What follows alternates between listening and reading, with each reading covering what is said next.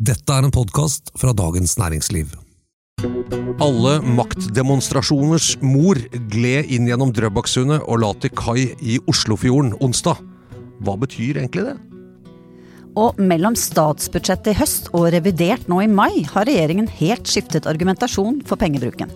Så hvilken gjelder neste gang? Dette er den politiske situasjonen. En podkast om politikk fra Dagens Næringsliv med politisk redaktør Fridtjof Jacobsen og kommentator Eva Grinde.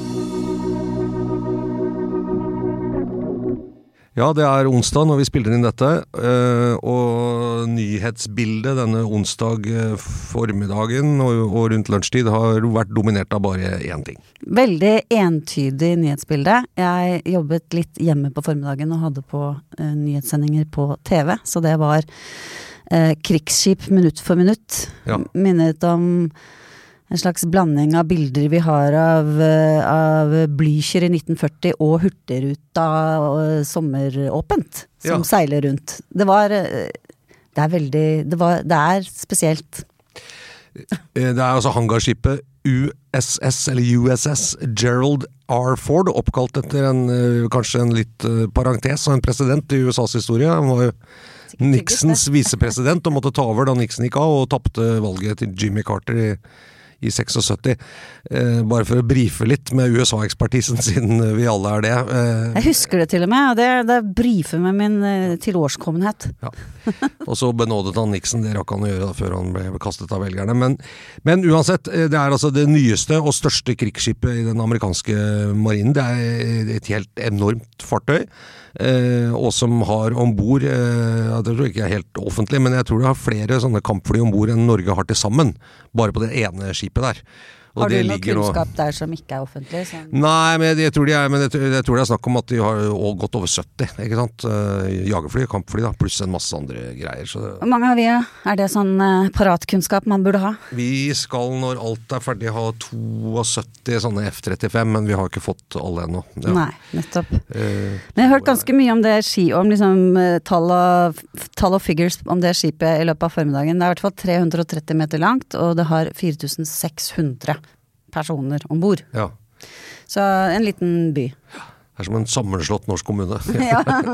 Eh, og så er jo dette selvfølgelig spektakulært. Altså verdens største altså alle, Alt som har superlativer, det er vi jo glad i i nyhetsproduksjon. ikke sant? Alt som vi kan slenge noen superlativer på, er bra.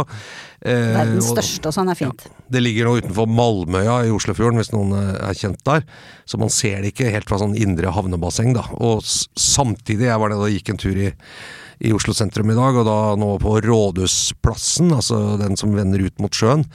Der gjerder man nå inn, for der skal Natos utenriksministre møtes eh, til helgen til et sånt uformelt møte. Ja. Så nå er det veldig mye eh, Eller er det neste helg, kanskje, men nå er det mye Nato og mye mye sånn sikkerhetspolitikk da, som vi ser inne, inne, helt inne ved Oslo. da. Men det, det som også var en sånn litt fascinerende kontrast, syns jeg, om, om, om hvordan dette ble rapportert, eller hvordan det på en måte er iscenesatt. Eh, Det er På den ene siden så er det altså dette helt gigantiske krigsskipet med, med så vanvittig mye mm, makt. Altså, altså, det er jo rett og slett en maktdemonstrasjon som vi snakket om, av helt av dimensjoner. Og så er det, så er det liksom snakk om at eh, gutta gleder seg sånn til å komme til Oslo, liksom.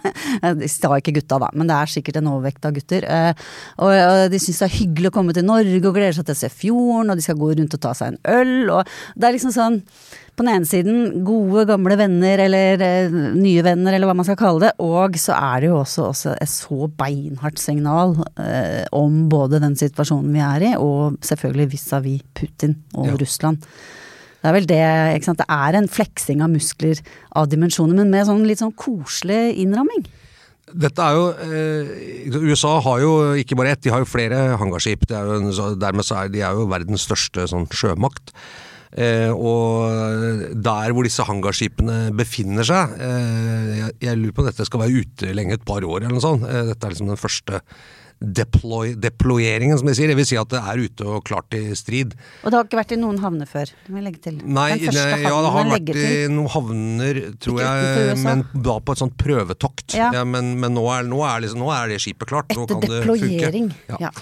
Eh, og, uh, og det er heller ikke så vanlig at uh, hangarskip av denne størrelsen fra USA er i våre farvann. Eh, det, I Stillehavet, eh, rundt da Sør-Korea og hele den situasjonen der, er det jo nesten alltid permanent det.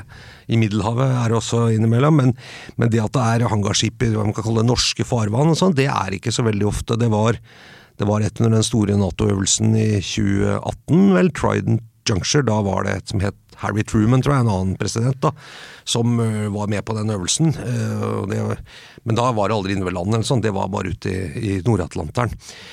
Og så er- lurer man jo på, når jeg er ferdig med denne showet her, det, det, er ikke, det, er liksom ikke, det er ikke så mange trusler og aktivitet innerst i Oslofjorden, eller i Bunnefjorden hvor det ligger nå, men hvor skal det da? Skal Ja. det ut og operere i Nordsjøen? Eller i, Nord i, i Barentshavet? Eller skal det inn Noen har snakket om Østersjøen. Det, jeg vet ikke hvordan de skulle fått inn der. Eller skal de ned til Middelhavet eller Afrika? Vi vet ikke. Så. Det lurte jeg også litt på. Liksom. Se for deg at eh, For jeg tenker at liksom, det at det kommer til Norge, du ser liksom, grensa mot Russland helt øverst i nord, og da er det også et lite sånn eh, signal eh, til støtte for Baltikum, ikke sant.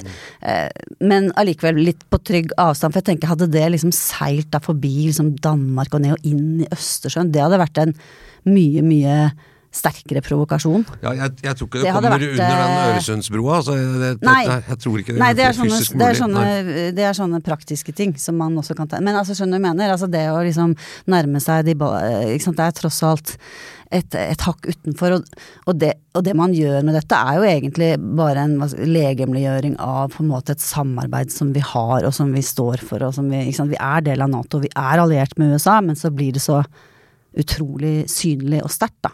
Det er en veldig sterk symbolsk betydning. Eh, og det jeg har erfart, at man har jobbet lenge i det norske forsvaret, i Sjøforsvaret og i Forsvaret, med å få til dette besøket.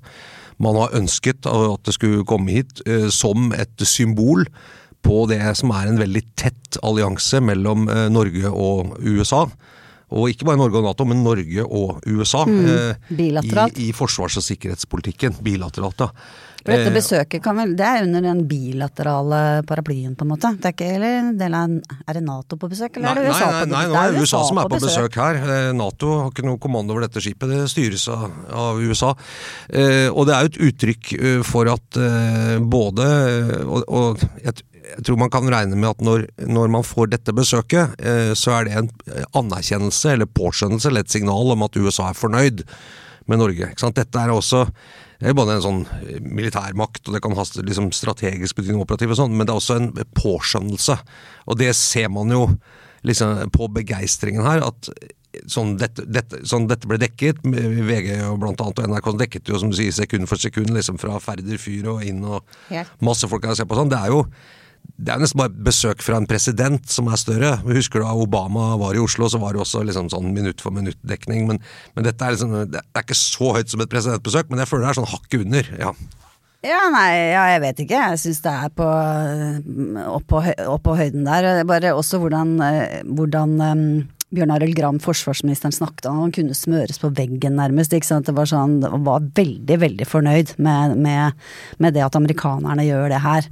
Og at det er veldig bra for oss. Ikke sant? det, det understreker eh, at vi samarbeider med dem, at USA er villig til å forsvare Norge skulle det komme til krita, eller i hvert fall så sa han at det er det det Ja. symboliserer. Det er jo det man ønsker at det skal symbolisere. Så det er sånn bare, bare back off, liksom. Ja.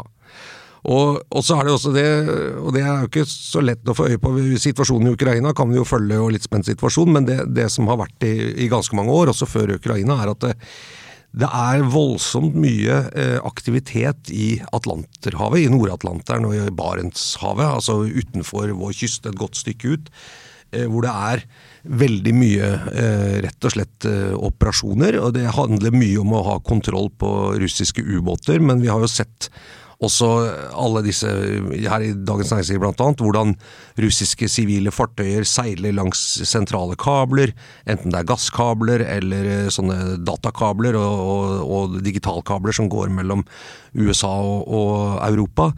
Eh, og her er det et veldig sånn game uti der som er ganske skarpt, egentlig. Men det skjer jo da så mange mil ute på sjøen hvor ingen mennesker er, så vi får ikke øye på det. Men, men eh, fra de folk jeg har snakket med Sjøforsvaret, så sier de at, eh, og det er veldig mye at det er liksom hemmelig og sånn, men sier at her er det veldig veldig mye aktivitet, og det er veldig mange krigsskip fra forskjellige land der ute, eh, særlig fra Nato, som jobber. og vi så det jo litt når det gjelder beskyttelse av våre oljeinstallasjoner og sånn, hvor, eh, hvor, sentralt akkurat dette området utenfor Norges kyst er blitt. da. Og det, det, tror jeg også har noe med at dette hangarskipet kommer litt å gjøre. Ja, ja. Altså forsvarssjefen Christoffersen, han var jo Han sa jo liksom i en bisetning at vi vet ikke helt hvor mange dager det kommer til å ligge i Oslo, men så skal det, så skal det videre langs kysten og det å liksom ha øvelser sammen med norske mm. Sammen med det norske forsvaret. Og hvor langt nord det går, det blir jo da spennende. Ja, eller langs øst spesielt. Ja, nordøst, da. Ja. Rundt svingen, liksom. Ja, ja. Det altså ved Finnmarkskysten, ja. ja. Eh, der, der, vil jeg tro det er noen del eh, diskusjoner av hvor, hvor, mye altså signal skal man sende med dette. ikke sant? Ja. Tenke at det holder seg på behørig avstand fra Russland. Ja. Liksom. Ja. I denne situasjonen her. Det som også er kanskje et mer sånn politisk ting som man kan si med dette, er jo at eh, da eh, Støre satt i regjering forrige gang, i den rød-grønne regjeringen med SV, eh, så var oppfatningen i, i USA Vi kunne bl.a. lese det i rapporter som ble offentliggjort som var sendt fra den amerikanske ambassaden og hjem i, under denne Wikileaks-saken, at, eh, at, at Stoltenbergs regjering, med Støre som utenriksminister, ja, var ikke så tett alliert med USA og skulle liksom ha et litt mindre Var ikke helt å stole på. Det var sådd litt tvil om de var sånn patente med amerikanske øyne som en alliert. Og det kanskje litt på grunn av litt sånn vel stor forståelse for Russland og nordområdene og sånt, eller? Er ikke det altså- litt sannsynlig at det inngår der, som en faktor? Det, det, det første Han var jo brobygger, liksom. Første var at SV var med i regjering, som ja. da var et Nato, som sa nei til Nato, som de gjorde den gangen. Ja. Og så var vel noe av det første Stoltenberg gjorde, var jo å trekke Norges bidrag til krigen i Irak ut, og sa vi er ikke med på det lenger. Eh, noe vi hadde vært med på før. Jeg tenkte på sånn- skepsisen sånn, til Støre. Ja, det ble, Støre var litt sånn personlig. At han mm. var han sleip, var han selvopptatt. Men, men politikken de oppfattet på en måte at i motsetning til den uh, høyre eller ja. en Jo, men Støre har jo litt problemer med å være han er jo veldig sånn, han ønsker å se ting fra, fra begge sider, han er en dialogens mann osv. Kanskje amerikanerne er mer komfortable med noen som er klarere. Ja, ikke sant. Sitt, uh, så var dette Bush-administrasjonen da, som var liksom If you're not with us, you're with the enemy. De var jo veldig polariserte. Ja. Men, men det, da Høyre-regjeringen tok over i 2013, så, så var det et veldig klart mål fra den regjeringen den gangen sa at vi skal bringe Norge tettere til USA. Vi skal knytte båndene tettere. Og en av tingene som de var veldig tidlig med, var å sa denne enorme Nato-øvelsen i 2018, Trident Juncture, at den skulle gå i Norge. Som de sa, med SV i regjering ville ikke det gått. Eh, men nå er vi ny regjering, da kan vi det. Og, og veldig mye av det bilaterale samarbeidet, særlig på sikkerhet og forsvar, eh, ble veldig eh, mye tettere. Og så var jo spørsmålet når denne regjeringen tok over, Eh, ja, den vi har nå. Ja, mm. Om skulle den liksom eh, slakke litt på dette eh, Erna Solbergs regjering var jo altså, de var så USA-vennlige at jeg tror ikke noen norsk regjering eh, siden den kalde krigen har vært så eh, positivt innstilt til USA. Og, og Ine Eriksen Søreide, først som forsvarsminister og så som utenriksminister, var jo eksepsjonelt populær i Washington. Ja, ja. Eh, så, og Jens Stoltenberg klar. ble Nato-generalsekretær osv. Ja, og hun var jo også usedvanlig klar i hele den konflikten med Russland. En av de som virkelig pekte på hva den annekteringen av Krim betydde, blant annet. Før mange andre. Før veldig mange andre, ja. Så, nå, men nå fikk de jo på en måte invasjonen av Ukraina eh, altså Det har jo dyttet eh, Norge i, i retning USA og Nato. Ja, ja absolutt. absolutt. Det har de jo. Og, det, og, til og med SV er jo nå, sier jo ikke at vi skal melde oss ut av Nato lenger. Men, men dette besøket her kan jo gjøre et mm. tankeeksperiment. At hvis SV hadde vært med i regjering, mm. Eh, For dette er liksom noe annet enn å være alliert. Dette er jo et uttrykk for en veldig tett forbindelse. Vi slipper verdens største og farligste krigsskip helt inn til hovedstaden, og alle jubler og står i kø for å dra ut dit. Eh, Så, så, så det er litt sånn eh, jeg, jeg tror det er et signal om at den, den veldig tilnærmingen til USA, altså den veldig tighte forbindelsen til USA, som ble mye, mye tettere, også bilateralt, under høyreregjeringen, og spesielt med Ine Eriksen Søreide, at den har ikke eh, denne regjeringen gjort noe med. De har bare opprettholdt den. De, I Hurdal så Litt begynte de å si litt sånn. Mm. ja, litt reset med Russland, en ny sikkerhetsdialog og alt mulig sånt, men nå er de akkurat like Stars and Stripes som den høyreregjeringen var. Så det, det er ikke noe skille lenger. og Det kan ha noe med at SV ikke er i regjering å gjøre. Ja, at det kunne vært vanskeligere med dem i regjering. Samtidig så har jo de også utviklet seg, tatt et skritt, ganske klart skritt i, eh, som følge av denne konflikten. Ja, men Så- altså stå og juble for et krigsskip, det tror jeg ikke Nei, de det er ikke gjort. sikkert eh, de ville jubla, nei. Altså. Nei. Eller sagt at det er liksom høyt på agendaen av det vi skal prøve å få nei. til. Er Interessant tankeeksperiment. Men jeg, det, det er en ting som slo meg, jeg vet ikke hva du tenker om det, det var at jeg syns den russiske reaksjonen på det hele er litt, eh, litt slapp. På en måte, da. Eller det er sånn ja dette, dette er ulogisk å drive en sånn maktdemonstrasjon. Når, når man Norge sier samtidig at det er jo ikke noe det er jo ingen konflikter Russland og Norge at, står i fare for å måtte løse militært, liksom. Det er ikke noe trussel mot Norge, det sier jo Norge høyt. Hvorfor i all verden gjør de dette da, og sånn. Eh, ja, jeg vet ikke. Det kunne vært eh, skarpere. Ja, jeg, jeg syns uh, av det jeg har sett av øh, den russiske ambassaden i Norge, i hvert fall, da, er jo at den er jo egentlig ganske lavrøstet. har vært det lenge. Ja. Den i Storbritannia har jo vært mye mye mer høyrøstet og aggressiv, og Lavrov og ja. Medvedev og sånn har vært mye mer Kan være litt personavhengig også, kanskje, med ro. Ja, det, det virker jo faktisk som de, altså Hvis man skal se på de norsk-russiske forbindelsene, Mm. på tross av denne veldig dramatiske situasjonen, så har man klart å holde de sånn relativt uh, rolige. Altså Situasjonen er den det er, men, men det, er ikke noe, det er liksom ikke noe sånn ordkrig mellom Norge og Russland. Nei, og det, det, kunne jo, eh, det kunne man jo fort ha fått ut av denne situasjonen her, Uh, hvis de ville. Så kunne de jo ha brukt den på en annen måte. Jeg, liksom det, jeg tenker at det kan være et signal på at, de, at man fortsatt ønsker å ha en viss sånn kontroll over forholdet. Og så er det jo, som du sa til å begynne med, at USA prioriterer da Norge og Oslo og norske farvann eh, liksom som første mål for dette da helt nye våpenet som dette er, denne enorme eh, hangarskipet med alle skipene som er rundt, og, og det er jo et helt flyvåpen oppå der, så det er, det er ganske mye makt eh, der sånn. Det er jo, tror jeg, for mange Hvorfor er folk så begeistret for det? og sånn? Jo, for det får oss jo til å føle oss trygge. ikke sant? Dette er våre venner, og hvis noen prøver seg på oss, så kan de f.eks. komme med dette her, og da, da er det ikke lett å bryne seg på oss. Vi er kompis med den største og sterkeste i skolegården. Vi er det. Men eh, det er jo et toveisforhold, ikke sant. Eh, vi er jo helt avhengig av amerikansk militærmakt. Det er liksom vår sikkerhetsgaranti. Enda mer enn Nato. Jeg tror i Nato, hvis ett land sier nei, så, så kommer ikke Nato, ikke sant. Mens vi kan stole på, tror jeg, at USA vil komme oss til unnsetning hvis vi trenger det. Om så alene, ikke sant. Det er litt, tror jeg er kalkylen. og men hva skal Hvor USA ha igjen? Hvor kommer denne klokkertroen fra? Nei, det kommer jo fra at vi har snakket med folk da, som eh, mener at dette er eh, vurderingen man gjør. At, at vi er Nato, og vi er opptatt av det. Men vi er også veldig opptatt av å ha en bilateral liksom, sikkerhetsgaranti fra USA. Så eh, la oss si at, eh, at Nato ikke makter eller evner eller, ikke, eller er opptatt et annet sted, eller at noen land syns ikke det er nok å liksom gjøre det. Så Ja, så du ser jo at. Nato kan liksom feile i å samle, samle seg om å støtte Norge, mens da, da vil USA Ja, for, altså for at Nato, sånn beslutningsmessig, da, Ja, for at det, det skal være en sånn eh, artikkel 5, som det heter, altså et angrep på et medlemsland er et angrep på alle, så må jo alle landene være enige om at det er det.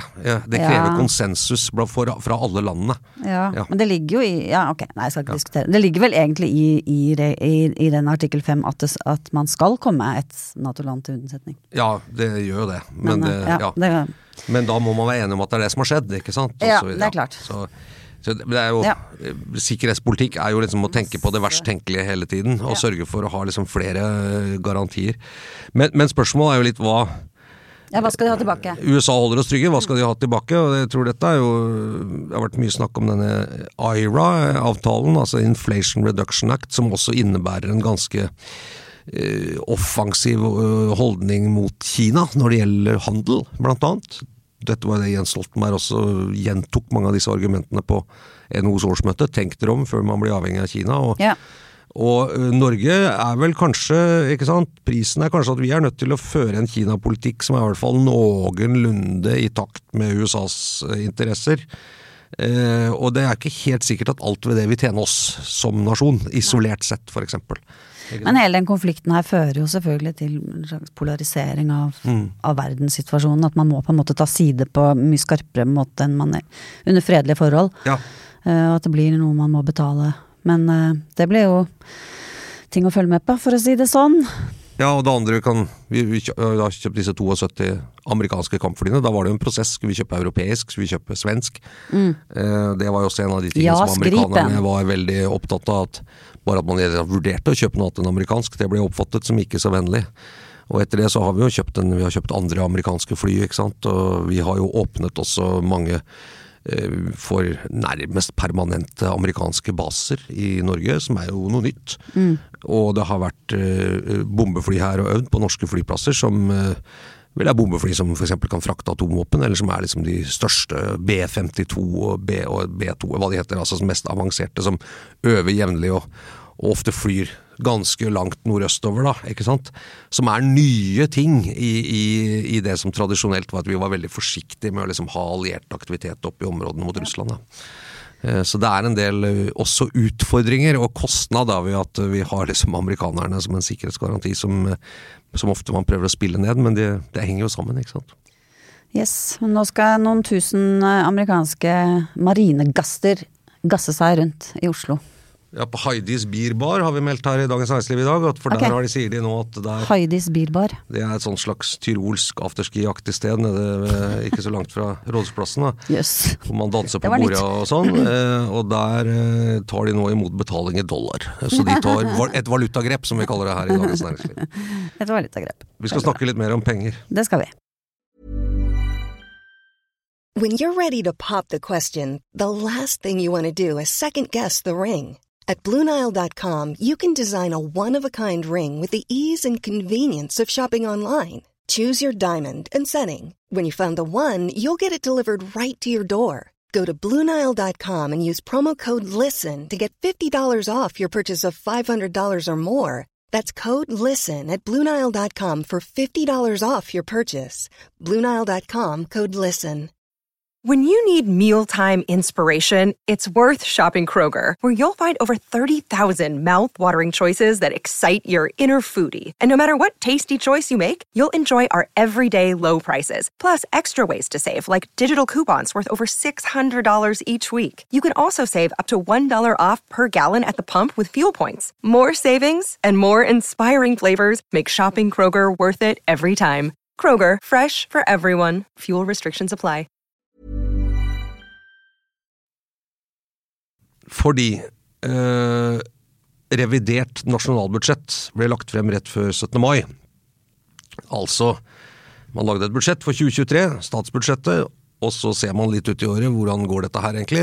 Henger det sammen med virkeligheten? Og så må vi gjøre noen justeringer. Det er vanlig. Det er helt vanlig. Det kommer halvveis i i året. Men det skjedde Eh, ganske mye her. Det skjedde veldig mye, det, så det var ikke helt vanlig. Eh, den, de store endringene. Fordi påplussingen av oljepenger var vel den nette sum av 56, eller var det 54? 54 eller 56 milliarder kroner. Ja. Eh, og noe av dette henger jo sammen med at statsbudsjettet eh, feilberegnet eh, totalt prisstigningen. prisstigningen. Sånn at når man da bevilger penger til f.eks. sykehusbudsjett, eh, så hadde de ikke tatt høyde for hva alt kom til å koste så og så mye mer, og dermed så, sant, hvis, hvis sykehusene skulle greie seg med de pengene som de fikk i statsbudsjettet, så hadde de måttet kutte. ja. Si opp folk. Si opp folk og kutte ned aktiviteten og, og, og alt mulig sånt. Så det ble jo selvfølgelig eh, gans, Det ble egentlig ganske fort klart at de hadde bomma der. Ja. Uh, og det har jo også vært Det har de vært behørig kritisert for òg, at, at det kanskje hadde vært mulig for dem å se det der litt klarere enn de faktisk gjorde, da. At Definitivt. Det, at det ble liksom litt om å gjøre å lage et eh, et lite og, og stramt budsjett for å vise frem at de tok ansvar osv., men de tok litt vel mye ansvar. Ja. Så noe måtte gjøres. Men så kan man jo diskutere måtte man gjøre så mye. Ja, fordi da det originale statsbudsjettet ble lagt frem, og debatten kom rundt det i, fjor høst, og på sensommeren, så, så ble jo det samme sagt at uh, alt blir dyrere. Uh, altså det blir flere pensjonister, uh, prisene stiger, eh, lønninger eh, ikke sant, eh, stiger. Eh, Det var jo inflasjon sånn da også. Det betyr at bare for å drive liksom, på dagens nivå, helt vanlig, så må vi ha mer penger. Mer inntekter. Inndekning, som man kaller det. Men så sa de jo den gangen men vi kan ikke bruke oljepenger til å gjøre det. Så da må vi ta inn skatter og avgifter. Eller vi kan ikke bruke mye oljepenger. Altså selvfølgelig brukte oljepenger, men det var, det var en utrolig sterk del av hva skal vi si, innsalget av statsbudsjettet. Av det veldig stramme statsbudsjettet. At det er uansvarlig å bruke mer oljepenger fordi det vil gå ut i økonomien og presse opp eh, Altså det vil presse opp renta, primært, da. Som da igjen vil gå utover vanlige folks økonomi. Det var et utrolig sterkt øh, og klart øh, kommunisert budskap fra Ja. regjeringen. Og, og det I høst. de sa ikke sant, Vi bruker oljepenger, men, men de siste 100 milliardene eller hva de sa de manglet, mye av dette var jo strømstøtte, da, som de på en måte tok inn ved å gi strømselskapene en ekstra skatt som de måtte betale, det såkalte høyprisbidraget. Ja. Men, men, eh, men vi har sagt at vi, vi har nådd taket for oljepengebruk, vi mangler fortsatt la oss si 50 milliarder eller noe sånt, da må vi ha ut skatter og avgifter som vi må ta ut det, og da fikk man jo arbeidsgiveravgiften Ja. og noen skatteøkninger osv. Ja, så det var, det var liksom det var forklaringen og forsvaret av høyningen av skattene, og at man måtte være veldig eh, Ja. sant, stram i, i bevilgningene generelt, da. For hvis ikke så kommer renten til å stige. Ja, Og så steg jo renten uansett. Eh, det- Den steg i hvert fall. Som bare det. ja. Da kan jo de siden hadde steget mye mer, kan de, kunne de kanskje ha sagt. Men, ja. men det virker ikke som det er det de konkluderer med nå, egentlig. Jeg tror ikke man har hatt så mye renteheving over så kort tid. Det, det var hørte jeg en økonom som sa at det er veldig, veldig veldig mange tiår siden, jeg tror det er helt siden 80-tallet, ikke sant, at man har hatt så eller tidlig på 90-tallet, at man har så mye renteøkning på så kort tid som vi har hatt nå. Så, det er høy renteøkning da. Og vi er kanskje ikke ferdig med det heller. Eh, og prisene har jo bare fortsatt å stige og stige og stige. Kanskje de stiger litt mer i andre land, men det er jo en kraftig inflasjon eh, fremdeles. Og tempoet i økonomien er kjempehøyt. De stiger ganske mye mer i en del andre land, hel, Ja. heldigvis for Norge. Men, men, men det, som er, det som vi skal fram til her, da, det er at eh, når de nå legger fram et revidert budsjett, som var rett før, eh, ja, par, rett før 17. mai, så øker det jo med da anselige mengder milliarder, men det er ikke lenger eh, noe argument at det vil Eller det, det er det, det, de, altså, det er ikke noe som har forandret seg i økonomien som tilsier at ikke det skulle ha samme effekt da, på rente, rentenivået. Mens nå, eh, når de får spørsmål om det, så, så, så kommer bare svaret med at det vi gjør er å legge fram et ansvarlig budsjett. Vi kan ikke kutte sykehusvirksomheten, skolevirksomheten, ikke sant, Politi, sosiale politi. nei. Eh, um, og, og liksom sånn implisitt vil Er det dere vil, liksom? og, og det er det jo ingen som, eh, ingen som vil, men det er, det er på en måte veldig De bare hopper helt bukk over det at de har forandret helt argumentasjon, da. Eller at det ikke er noe problem lenger. Så det er interessant. Ja, og situasjonen er jo egentlig den samme hvis man ser på tallene. Det er eh, nesten Det er altså veldig presset arbeidsmarked, fordi det er vanskelig å få tak i folk. Eh, det er eh, prisstigning. Og det er fortsatt veldig mye fart i økonomien. Har, renten har ikke bremset økonomien ennå. Eh, og, og de pøser inn mer penger, og sist så sa de kan vi ikke gjøre, for da gir vi gass. Eh, og nå sier de ja, nå kan vi gjøre det, eh, for det er det ikke noe problem. Men så hvorfor var det da et problem eh, i høst? Og så er det ikke noe problem nå, for situasjonen er den samme. Så det er, det er jo to muligheter, da. Enten så, enten så tar de feil nå, og dette bidrar til at vi får enda kraftigere renteøkninger, sånn som de varslet sist, eller så tok de feil sist gang, og så var det ikke så farlig å bruke de oljepengene likevel. Hadde ikke så mye innvirkning på renten. Fagøkonomer heller jo mot det siste og sier at litt, noen flere titalls milliarder i oljepengebruk, det har ikke noen reell effekt på renten. Nei, det er jo det, som, det, er jo det vi har, faktisk har hatt litt i mellomtiden, da, som har annet gått i spaltene til Dagens Næringsliv mellom økonomer, nemlig dette med at man har regnet ut hvor mye eh, Nå husker jeg ikke akkurat tallene, men det var liksom sånn vi- 10 milliarder vil føre til 0,01 prosent økte Altså, eh, det har blitt regnet på eh, at den effekten ikke er så stor, da. Og, og så, så, tenker jeg jo at det er jo et, et, klassisk eksempel på at politikere man tager den økonomen man har bruk for i øyeblikket, eller ekspert av ymse slag. Ikke sant. Fordi man finner jo veldig ofte eh, det, man, det, man, vil ha. Så, men de svarer, eh, de svarer ikke veldig godt på det. Det gjør de ikke. Nei, og og de sier ikke at vi tolker nå verden på en annen måte, de sier bare at dette er det eneste ansvarlige å gjøre. Og det var vel heller ikke så Sist gang dette her med at vi, vi, vi mangler penger, vi, må, vi kan ikke ta det fra olje, vi kan ikke ta det fra oljepenger, vi må ta opp skatter osv. Det var vanskelig å finne økonomer som sa at det er, liksom, ja, det er helt i pakt med økonomisk teori, eller fagøkonomi. Det var egentlig ikke så mange som sa det. De aller fleste økonomer sa ja, den sammenhengen der er overdrevet. Mm. Det er klart Hvis det er 200-300 milliarder, så er det noe Du setter i gang enormt med prosjekter som krever masse arbeidsinnsats, og skal bygge motorveier i hele Norge f.eks., eller Nord-Norgebanen eller sånn. Da vil du ha, stimulere økonomien, eller voldsomme subsidier som vi hadde under under pandemien og sånn, det stimulerte jo økonomien selvfølgelig, men de men, men liksom, Det er et kjent argument, da. Ja. Altså det der med at uh, mer penger ut uh, stimulerer og overoppheter og ikke sant. Det har jo vært sagt uh, i mange tiår, når det passer, tror jeg. Ja, ja. Så Men så jeg, jeg, tror, jeg, tror, det er riktig når det er som det er nå, at, at, det som var nå er en nødvendig justering. Det var, ikke, det var selvfølgelig ikke meningen å si at vi, vi skal lage et budsjett hvor vi kutter kutter i behandlingstilbudet i helsevesenet, hvor vi kutter liksom i ressursene i skolen, hvor politiet må gå færre vakter. Si sånn, du må holde følge med prisstigningen som er høy, eh, men det er nok mer et tegn på at det de sa sist, ved forrige statsbudsjett, det var litt på jorda, altså. Ja, samtidig så, det, så det, har de jo liksom nå med disse endringene de har gjort, laget et budsjett som har gått fra en såkalt negativ eh, eh, budsjettimpuls til en positiv budsjettimpuls, da. Så det er jo og, og, det var veldig mye skryt av at vi Eller det var sånn nå skal vi stå i stormen, for vi er de første som er nødt til å virkelig liksom skru igjen oljepengekrana etter alle årene med Erna Solberg og ikke sant. Så, så, så, for det er, det er, den eneste ansvarlige å gjøre, ikke sant. Og så er det ganske annerledes nå. Så, så blir det en sånn litt artig debatt når Høyre kommer og er eh, veldig fortørnet over oljepengebruken igjen, ikke sant. Ja, ja, ja. Så um, Ja, for det var fordi de ikke kutter noe ellers, da. Har tatt vekk den ABE-reformen som sørget for liksom litt sånn effektivisering i, i offentlig sektor. ja, men, men, det er jo ikke store pengene i det nei. store sammenhengen, kanskje. Nei, uansett. Jeg tror eh, det der budsjettimpulsen er jo litt sånn at statsbudsjettet først og fremst er, er det gass eller brems eller nøytralt i norsk økonomi som i rett som hele. Mm. Eh, det, det, tror jeg er en veldig ambisiøs tolkning. Jeg mener jo, som vår kollega Bård Bjerkholt også har skrevet noen ganger, at et statsbudsjetts oppgave er å sørge for at du har en solid og grei finansiering av det, alt det staten og offentlig sektor skal levere i Norge. Fra barnehager, skoler, veier, helse, eh, ting går rundt, domstoler, politi, alt dette. og da, Det må liksom sørge for at eh, det tilbudet opprettholdes og er solid og bra. Og det er budsjettets fremste oppgave. Det er å sørge for at liksom, tilbudet eh, er balansert, og at vi får inn nok penger til å dekke det det koster å drive velferdsstaten.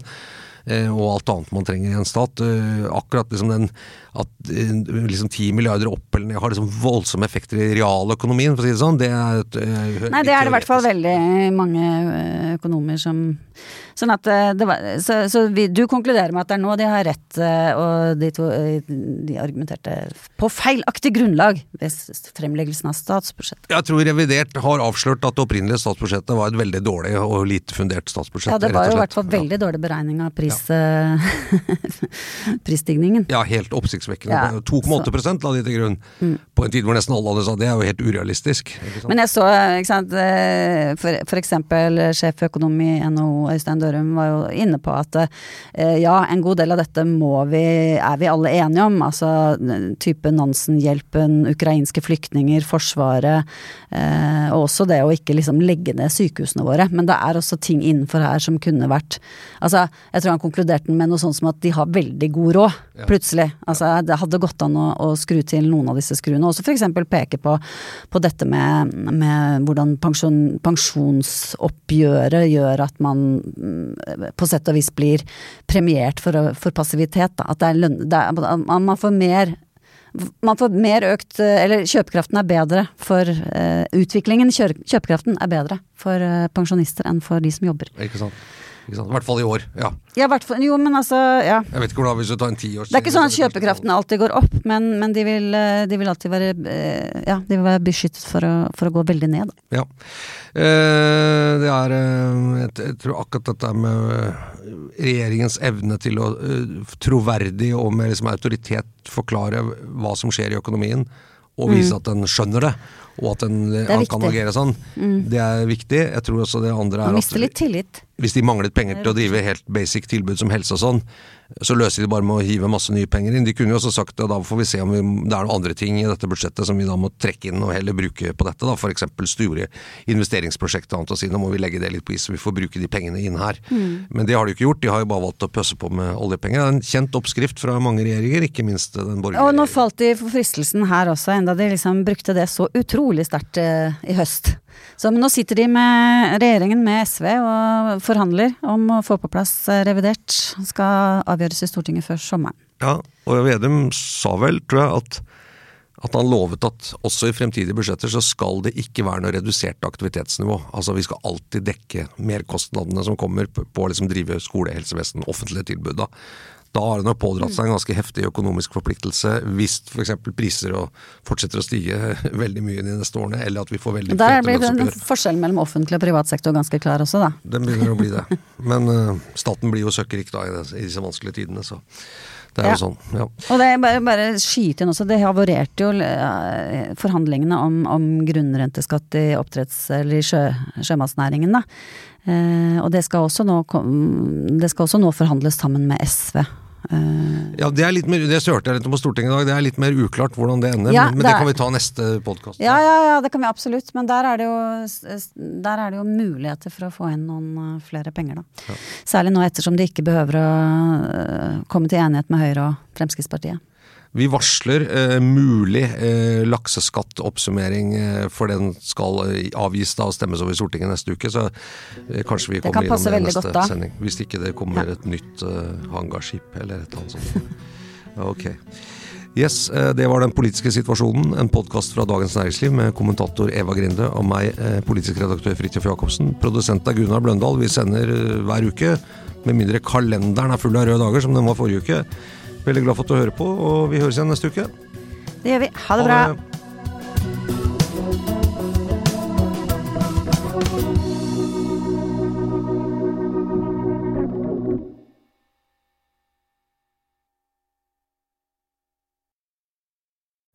Du har nå hørt en podkast fra Dagens Næringsliv.